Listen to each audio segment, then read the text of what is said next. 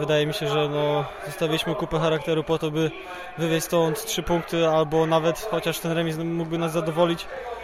Aczkolwiek w drugiej połowie ułożył nam się ten mecz. Y, Stilon dostał czerwoną kartkę.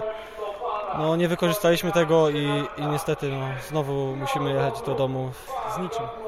Bardzo źle zagraliście przede wszystkim pierwszą połowę, daliście Stilonowi atakować, oddaliście im praktycznie całe pole. To nie było naszym pomysłem, żeby cofnąć się i dać Stilonowi grać w piłkę. To my mieliśmy narzucić tempo.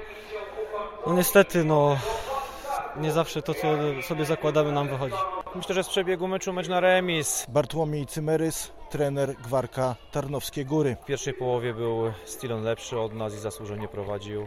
W drugiej połowie my byliśmy lepsi, mieliśmy sytuację, żeby doprowadzić nawet do remisu, natomiast brakło nam trochę skuteczności. Naszym problemem jest brak doświadczenia. Mamy bardzo młodą drużynę, mamy najmłodszą drużynę praktycznie w lidze i płacimy no dużo furcowego, bo, bo nie gramy źle, natomiast gramy bardzo niestabilnie i to jest nasz problem. Ja mam pytanie co do tej pierwszej połowy, bo w drugiej e, pana zawodnicy bardzo poważnie i zdecydowanie zaatakowali i to wcale nie wynikało z tego, że Stilon później grał w dziesiątkę.